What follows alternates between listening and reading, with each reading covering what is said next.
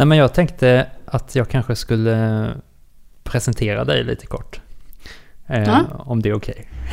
Det är okej. Eh, Marie Hollander som är författare och eh, lektor i pedagogik. Eh, och nu ska du vara med här i den här podden. Mm. Hur känns det? Eh, eh, det känns ehm, eh, eh, lite nervöst. Nej, jag vet inte. Jo, men det blir nog roligt. Jag har inte gjort så mycket sånt här eh, alls. Så att, eh, det, det blir något nytt helt enkelt. Mm. Ja. Eh, och du, du har varit med i ett avsnitt. Vi har pratat om eh, din bok Det omöjliga vittnandet. Ja, Som är din avhandling omgjord till en, inte roman, men, men till en eh, fackbok kan man säga. ja, ja men precis. Och du har också skrivit Tjänster i hemmet. Som är en skönlitterär skildring av eh, att arbeta i äldreomsorgen eller hemtjänsten. Och det blir kanske mer. Vi får se. Om du får tid Vi vid sidan se. av podden här. Ja, ja precis. Men, eh, ja men du vet hur det är liksom ibland. Ibland när man, i livet så är det så här att man går in, livet bara pågår. Och man följer och gör samma vanor som man alltid har gjort. Men livet har ju i grunden ändrats totalt liksom.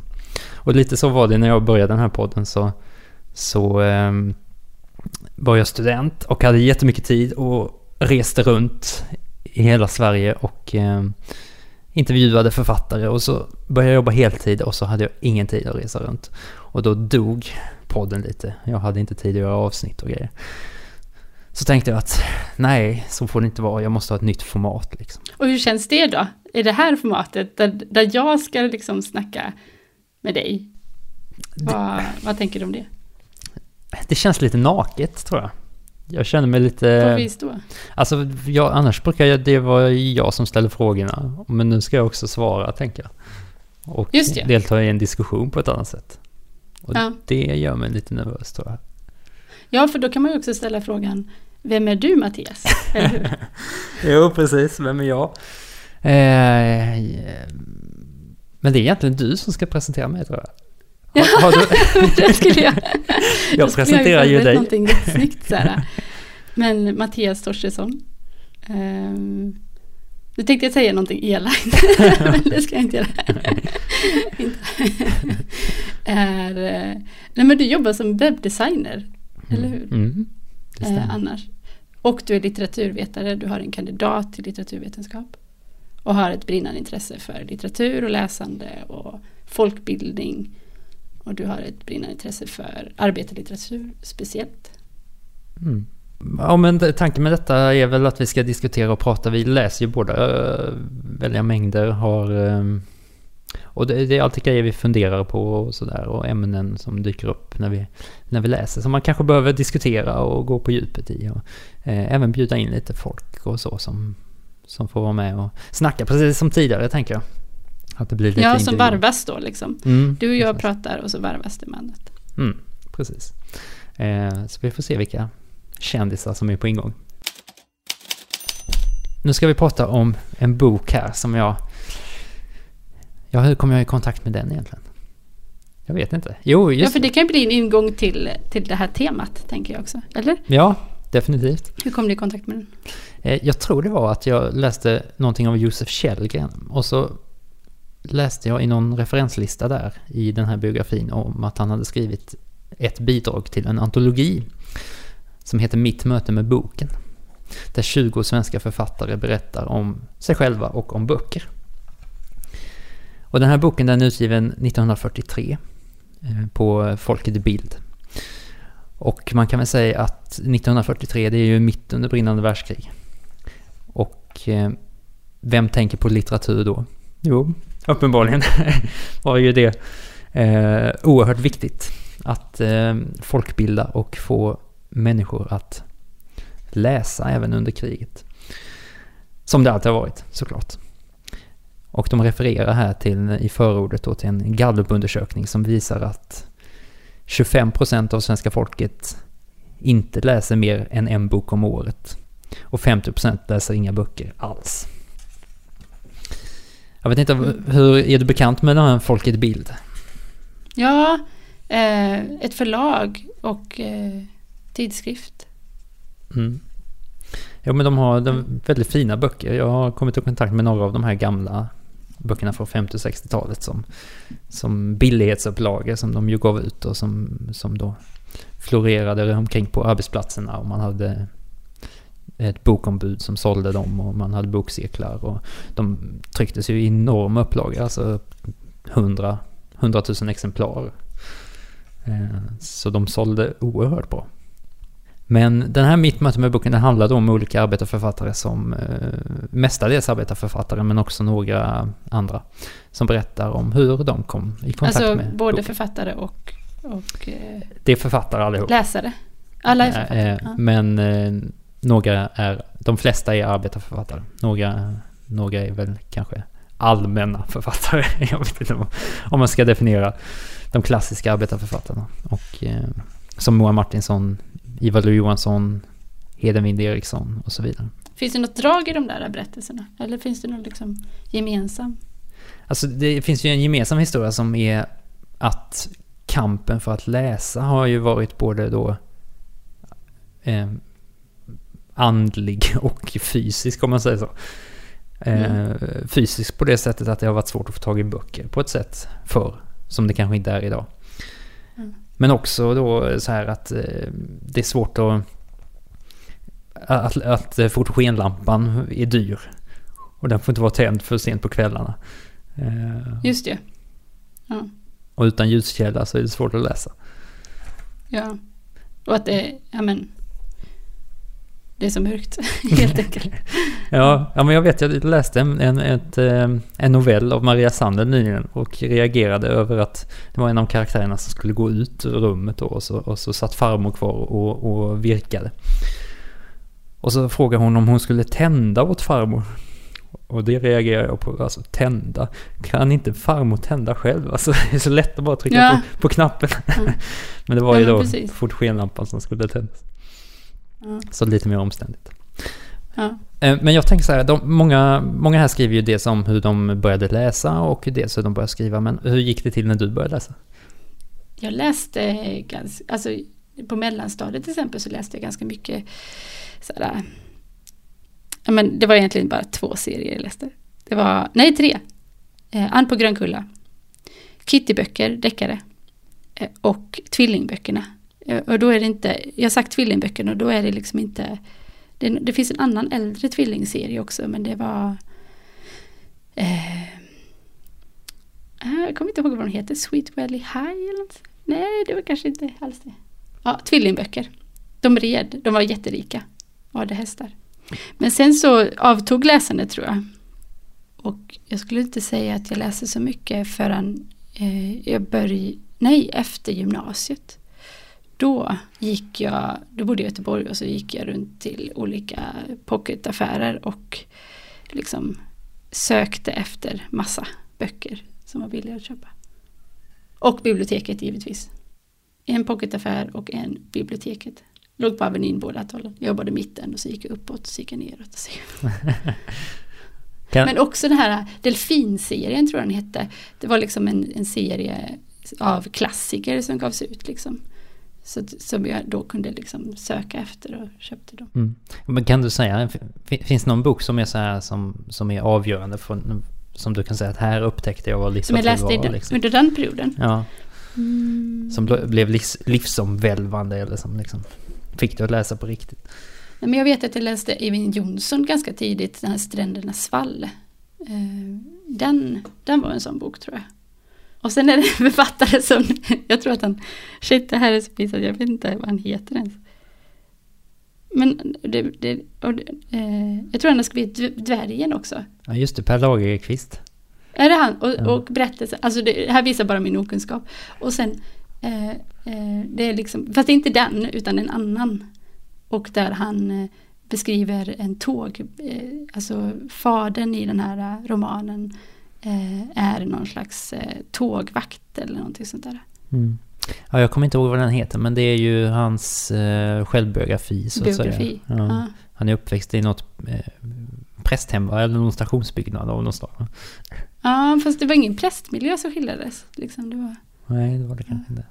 Men jag minns bara den här, jag minns att jag läste den, jag minns eh, lukten av ånga och liksom rök på den här. Ja, ja, precis. Men också åkrarna och ängarna som beskrivs. Alltså det är bara, jag kan knappt förnimma liksom handlingen idag liksom, utan det är bara... Ja. Den sitter som en sen- känsla liksom. Vad sa du? Den sitter som en känsla i det liksom. Ja men precis, en känsla av det liksom. Men sen också, nu är det bara män, men eh, eh, eh, Mobergs utvandrarserie läste jag också ganska tidigt. Vad tror du det var i, i de böckerna som, som fångade dig? Jag vet inte. Men jag, ja, nu, fast nu är det ju bara äldre. Jag läste ju liksom samtida litteratur då också naturligtvis. Liksom. Fast det är inga sådana som har sett sån, som jag så här, har starka minnen av. Liksom. Eftersom jag också är från, från landsbygden så tror jag också att det var så här landsbygdsskildringar. Liksom. Själv då? Alltså jag läste väl... Jag hade inte börjat läsa på universitetet då. Kan jag också säga. Det var tid före det. Nej, okej. Nej, för det är ju min historia tvärtom egentligen. Det var ju först i slutet på universitetet som jag började läsa. Ja, Egentligen. just det. Eh, Men jag läste ganska mycket som barn ändå. Även om det aldrig fanns, det fanns aldrig några böcker hemma. Men, men eh, föräldrarna lånade hem stora, vad var det på den tiden, Domuskassar. eh, Med barnböcker och, och läste väldigt mycket eh, för mig. Och sen läste jag en hel del under högstadiet med äventyrsböcker liksom. Men sen eh, hade jag ett långt uppehåll på säkert 8-10 år under den period där jag kanske borde läst som mest under gymnasiet och universitetet. Och så kom jag i kontakt sen med, med just Brott och straff och Dostojevskij som vi pratade om. Och då var det... Ja men det blev livsomvälvande. Alltså. Då, då förstod jag vad en klassiker var. Och då började jag läsa på riktigt. Mm. Och på ett halvår så tror jag jag slukade så här 50 klassiker. Mm. Och sen har jag bara läst mer och mer ungefär. Men jag tänker också att, att börja läsa liksom, eh, klassiker eh, på det sättet, alltså äldre litteratur, liksom, inte samtida litteratur, blir ett sätt att, att närma sig. Liksom, eh, för, för då vet man att man, eller om man inte vet vad man ska leta efter, om man inte vet vad man ska sålla någonstans, liksom, så blir det ett sätt att, ja men här är det någon som har liksom sett någon, som har gett mig, eller som, som sätter en etikett på det. Liksom. Ja, precis. Eh, och, ja, och man vet ju inte vad man ska... Ja, men det är det här, man måste få ett insteg. Ta första Ja, steget in. precis. Och sen bilda sig en uppfattning om, man, av vad man själv gillar. Och, och kunna navigera, det kan man ju så- såklart få hjälp med att navigera rätt i, i litteraturen. Men det är väl svårt om man inte själv kan formul- formulera vad man gillar, tänker jag. Och, ehm, men, men för mig var det väldigt tydligt vad som hände när jag började läsa litteratur. Jag vet inte om du har något sånt. Jag har ju tydligt före och tydligt efter liksom. Ja. Ehm, Och då, då menar du ju efter, eller vid universitetet? Då? ja, in, in, alltså när du är... innan jag läste på riktigt och efter jag läste på riktigt så att säga. Ja. Och... För det, för det skedde ju ganska fort där alltså. På bara, bara några månader så, så... I och med att jag läste så intensivt, så mycket. Och så märkte jag alla de här liksom praktiska fördelarna som litteratur för med sig. Eh, Allt från att jag började se omgivningen med helt nya ögon. Liksom. Kunde sätta, sätta ord på saker och ting och kunde placera in mig själv i, i sammanhang. På ett sätt som jag inte hade kunnat göra tidigare. Mm. Till eh, allt från att eh, också kunna tänka kritiskt på ett annat sätt. Alltså förr hade jag varit så eh, mottaglig för, för alla argument och bara hållit med så fort jag läste en text. Men, men ju mer man läser desto, desto mer olika argument eh, lär man sig och då kan man ställa dem mot varandra också. Mm. Så en hel del sådana praktiska grejer av att börja läsa. Jag vet inte om du har någon... Har du gjort några, några sådana iakttagelser? Praktiska, vad menar du? Alltså omständigheterna vid Praktiskt? lä- själva läsningen eller Ja, liksom- snarare fördelar som, kritiskt läs, tänkande? eller? ja, fördelar, fördelar som läsningen fört med sig. Liksom. Men man, jag tänker att, att i den miljö jag befinner mig i så är det ju så här att ja, men läsningen det, det hyllas liksom helt. Det, det är så himla bra. det är bara bra saker med läsning. Det är allmänbildande, det är, man får rikare språk, man, man, man, eh, ja men som du säger att det kan bidra till kritiskt tänkande eller något sånt där. Men samtidigt så tänker jag att, att det bara är självgodhet. Okej. Att det var så här, åh jag är så jäkla bra när jag sitter här med den här boken, jag är så duktig. Okej. Får man säga det i den här litteraturen? ja. ja, jo. Ja. Inga, inga fördelar alls, bara självgodhet. Nej men, Nej, men det är väl kanske den andra aspekten av det. Att, att eh, ja, ja. Å andra sidan så tänker jag just precis så. Att, det, alltså att man kan Dels att man kan få följa Nej men att det inte det, det, det, det tar tid, det är tidskrävande att läsa. Det liksom kräver en ansats. Ehm, och det men, men också att man får inblick i olika världar som inte är ens egen. Eller är ens egen. Alltså både och. Vilket man naturligtvis kan få genom andra medier också. Men det finns någonting i läsandet som, som skiljer sig från när man inte heller, ja men det är väl också det så här att vi lever i ett bildsamhälle. Där vi får så mycket bilder och att läsandet av ord inte där, där, där får man skapa egna bilder liksom. Ja, men alltså läsandet är ju så oerhört komplext egentligen om man, om man bryter ner det, vad man egentligen gör när man läser en text. Alltså du ska, Ja. det ska du kunna tolka orden. Och du ska kunna också förstå kronologiskt vad som händer och komma ihåg tillbaka vad du har läst tidigare. Eh, och du ska kunna läsa mellan raderna och du ska eh, liksom kunna översätta eh, orden till vad... Alltså det är en oerhört komplex process som pågår i hjärnan på något sätt när man, Ja. när man läser en text. Och det är helt, för mig är det helt absurt att det funkar. Att, att, man, att det går att läsa en Att man bok överhuvudtaget. Ja. Att man faktiskt ja, de kan här förstå. tecknen och så bildas det någonting liksom. Ja. Mm. Ja, men det är ju en bok som, som har som syfte att, att folkbilda, få fler att läsa och hjälpa människor eh, att hitta till boken. Det är därför den heter Mitt möte med boken, för att liksom kunna ge exempel till hur man hittar dit. Eh, och många författare är ju väldigt... Det finns väldigt många olika åsikter om vad dikten och, och, och romaner har för uppgift. Skulle du säga att eh, litteratur, är det terapi för dig? Ehm. Och då tänker du på läsandet, Ja, eller hur? Ja, precis. Ja, fast jag skulle nog kanske svara likadant. Att nej, det är det inte. om, du, om vi pratar om skrivandet. Det är inte terapi. Okej. Inte, eh, inte alls, för många nämner ju det som att de måste skriva för att stå ut. Ja. Du inte, känner inte det behovet att du måste, måste uttrycka dig Att jag måste skriva. Nej, men jag kanske har en för snäv syn vad terapi är. Eller? Att man ska... Ja, nej, jag haltar där. jag. alltså, förstår du? Att jag Ja. inte var... Ja. Ja, vad, vad, vad menar jag med terapi då? Jag vet inte. ja, nej men att man ska bearbeta saker. Mm. Eller? Jo, Bearbeta liksom sina känslor eller bearbeta sin... sin... Och å andra sidan, då kan det ju vara det liksom. Att man kan bearbeta sina, sin, sin vardag eller sina känslor eller sina... ehm, är du snarare så här, det är kul att skriva liksom? Det, det nej, det är det ju inte. Det är inte, det är inte kul. Det är också plågsamt och smärtsamt. Eh, alltså, det kan ju gå på inspiration och att man får någon tanke, men då handlar det snarare om att jag får en idé och så skriver jag ner det, vanligtvis på telefonen. Och sen att eh, eh, eh, men att göra någonting av det där till att det blir liksom text eller att det blir liksom någonting annat av det än en notis i telefonen. Eh, Ja men det krävs ju så mycket mer liksom. Och det där arbetet är inte vad, vad, sa du? Njutning? Nej, Ja, om det, var, om det är kul och alltså att du blir glad. om det är kul. Ja, nej. Fast nödvändigt. Ja, ja, precis.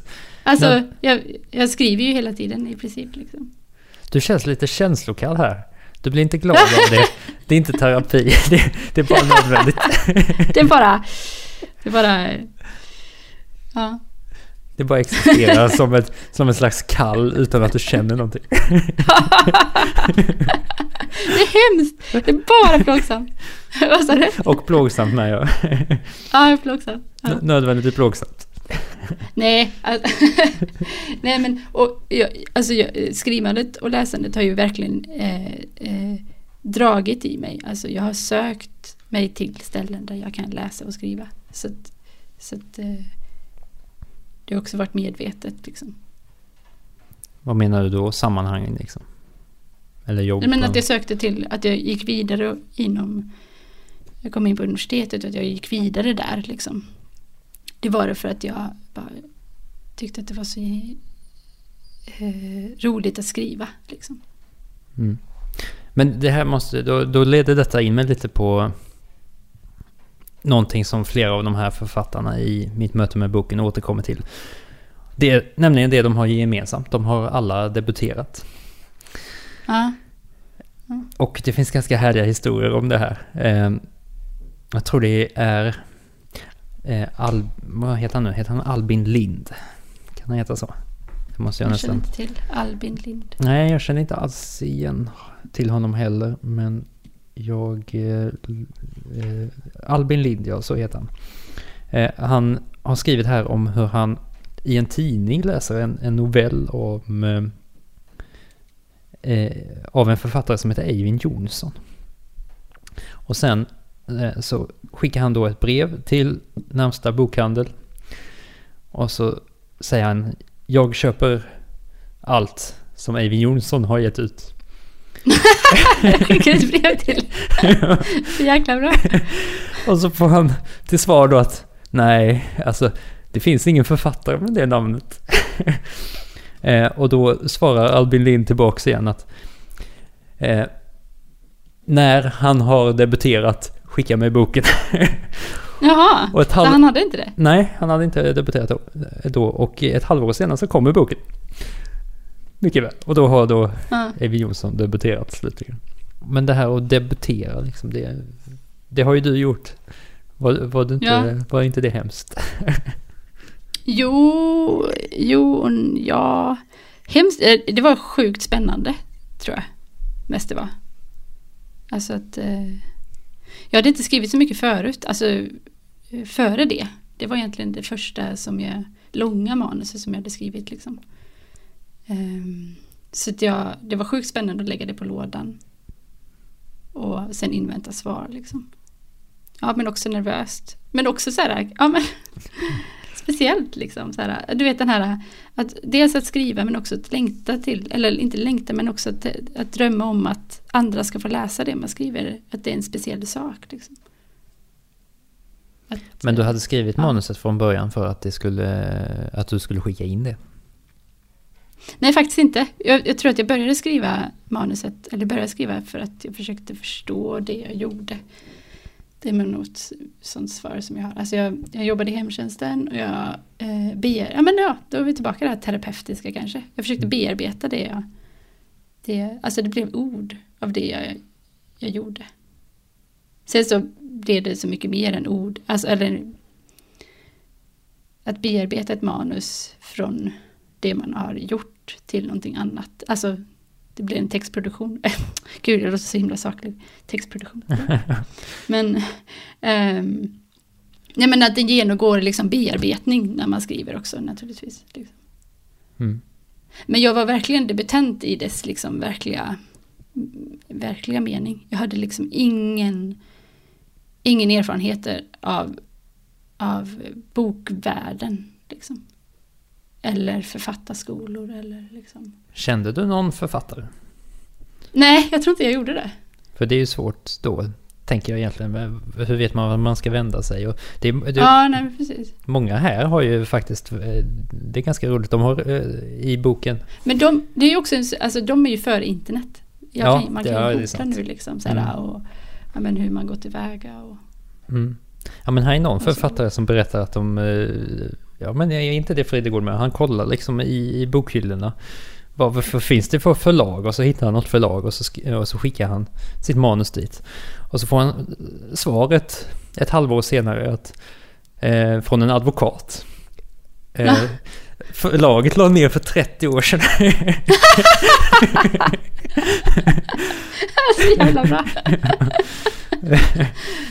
Så ja, aningen ouppdaterad. Men, det- och advokaten hade säkert roligt när han svarade på det, gissar. Ja, precis. 30 år sedan. Ja, nej men det som du säger, det är det är ju annat idag att hitta förlag kanske. Ja, och att det finns så många förlag. Olika vägar och att man kan... Nej men också tänker jag så här att man kan vara verksam ja, men på poesiscener utan att... eh, Ut, alltså att... Eh, ja men poetry slam och så vidare. Att det finns ju massa scener som inte... Som inte eh, enbart lyfter upp det tryckta ordet utan också liksom... Så jag tänker på Erika Pettersson som, som började, hennes bok började ju på Twitter. Att hon Ja just det, twittrade. det kan man ju göra. Ja. Mm. Men jag tänker att det finns flera sådana manus som, som florerar på, nej, men på nätsidor eller på bloggar eller på liksom, eh, Twitter. Mm. Ja. Drottning, Instagram har jag också sett. ja, ja, precis.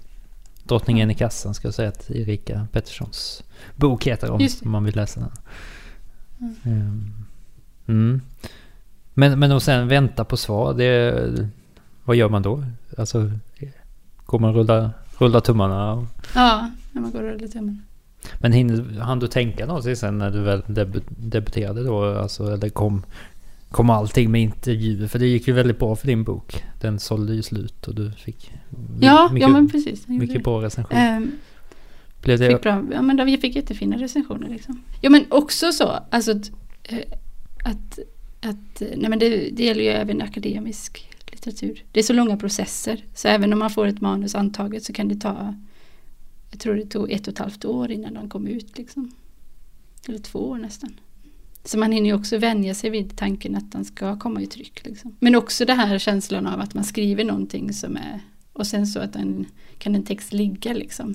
Och sen så tar man tag i den igen och så kanske den ligger ett tag till och sen går den till tryck. Och sen, så att den, den har så många, en text, en bok har så många liv liksom. och sen har den ett liv efteråt som man inte alls kan styra över heller. Liksom efter intervjuerna och efter släppet? Ja, liksom? eller under intervjuerna och sen efter intervjuerna. Jag tänker också undra om det är något man saknar kanske? Alltså en debut... Att, att, Debuten, Ja, att man debutera. Vill ha den igen. Ja. Vill du ha den igen? Ja. Nej, men det kan man, det är som att tänka, jo men det, det är klart, men det är som att tänka så här, vill man ha det, den tiden i sitt liv igen? Ja men den skulle väl vara kul. eller? Så här, eller allting som ligger bakåt. Ja. Skulle du vilja vara, sluta gymnasiet igen? Ja, nej, men jag kunde känna så med podden. Liksom. Det, blev väldigt, eh, det blev ett väldigt stort mottagande direkt. Eh, mycket media som hörde av sig och jag fick stipendium och grejer. Just Och- det. Eh, Ja. Och det var Det, ju var- väldigt... det, men det kan ju liknas lite som att debutera. Just Ja. den känslan, uppmärksamheten. Man inte är van vid den heller. Och kanske inte tänkt att man ska ha det heller. Nej, nej precis. Och oförberedd liksom. Och helt Ja. plötsligt bli en talesperson. Ehm, för, jag blev en talesperson någonting. för, för arbetarlitteraturen. Jag kunde ju ingenting egentligen. Nej, just det. Och du blev lite en talesperson för... Hemtjänst. Ja. Men det var du inte så bekväm över heller, förstår jag. Nej men det fanns ju också den här att, att jag... Eh, nej, alltså eh, dels eh, arbetade jag ju inte med just då men dels också det här att man blir talesperson för en hel Alltså en yrkeskår. Men också den här äh, balansgången mellan att bli läst, att, att, att texten får läsas som litteratur eller får läsas, och, som jag också har liksom eh, skrivit om i, i min avhandling. Liksom det här läsa som ett vittnesmål som är liksom som ska berätta sanningen om en sak. Alltså inte läsa som litteratur i den meningen. Med litterära kvaliteter. Liksom. Var, var förväntningen om de som intervjuade så också att det, det där Men det är också väldigt olika. Det kommer ju, alltså dels kom det ju personer som läser litteratur, eller som var, som, alltså som höll på med litteratur. Och sen vill jag intervjua personer som inte eh, höll på med litteratur eller kultursidan liksom. Så ställde helt andra frågor liksom. Och där man också anses vara en person som skulle kunna ha lösningen på, på hemtjänstens problem. Liksom. Inte lösningen på hemtjänstens problem men att man skulle bara liksom ha, ha ett svar på, på det. Mer resurser. Ja, ja precis. Ja. Men vad, vad, upplevde du, kunde du känna igen dig i det? Nej, i podden? Ja, men det här är att, att eh, jag fick... Bli talesperson? Ja, bli talesperson för, för arbetande litteratur. Eh, samtidigt som jag själv hade dragit igång hela det här projektet för att faktiskt lära mig mer. Eh, eftersom jag inte kunde någonting alls i, i grunden utan hade nyligen kommit i kontakt med, med litteraturen och börjat läsa och eh, satt mig in i det. Och, och det blev ju de första gångerna så här, man, man, ganska snabbt så fick jag ju en standardreplik som jag alltid sa i intervjuer och eh, den repliken hade jag ju snort av, av Magnus Nilsson som är forskare på, eh, på Malmö universitet. Eh, så jag, jag, bara kopierade honom rakt av liksom och sa, sa det han sa. Han var ju med i första avsnittet och det var ju i princip det jag kunde liksom och det jag kunde säga. Nu menar jag inte att han hade fel, men jag hade ju, det kändes ändå som jag stal hans hans sägningar, så att säga. Ja, just det. Eh, så det, det kändes inte äkta. Ska jag, ja, nej men den här boken, Mitt möte med, med boken. Den, med boken. Den var väldigt, eh, den var väldigt givande. Härliga korta kapitel ja. med, med 20, 20 författare. Ganska, de hade, vad de hade gjort bra var att de hade fått in en del kvinnor faktiskt. Vi är ju vana från den äldre arbetarlitteraturen att det bara är män och Moa Martinsson och Maria Sanden. Ja. Eh, och kanske Hedman också. Men, men här var författare som Ingeborg Björklund och Gurli Hertzman Eriksson. Eh, bland annat. Och Marika Stiernstedt. Och det var inga författare som jag hade någon koll på tidigare. Eh, och som kanske inte är utpräglade arbetarförfattare heller. Men, men de har ju ändå, eh, alltså även om det var någon av dem som växte upp i ett borgerligt hem men som hade en sjuk förälder så att det var, ändå var ganska fattig liksom.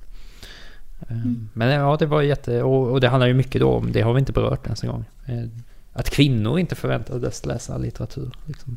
Att det var, var, extra svårt ja. för dem att få bilda sig. Bildningen ja. var ju avsedd för männen, universiteten. Och, ja. Mm, nej men det, mm den, den boken finns på biblioteken och, och låna om man är sugen på att läsa. Eh, hur kändes det nu då att vara med i ett första avsnitt? Jag tycker vi har pratat om jättemycket. ja. ja, men jag tyckte det med. Vi hann eh, ja. avhandla väldigt mycket. Det är, det är ju ett stort ämne. Litteratur. Det är livet. Ja. Och vi kommer få fler ämnen att återkomma till. Och det ska bli kul. Ska vi stänga av? Förlåt, allting ja. bara försvinner i ja. intet. Nej, men då vi säger tack och hej va, till lyssnarna först, sen, sen stänger vi av. Ja. ja, hej. Hej.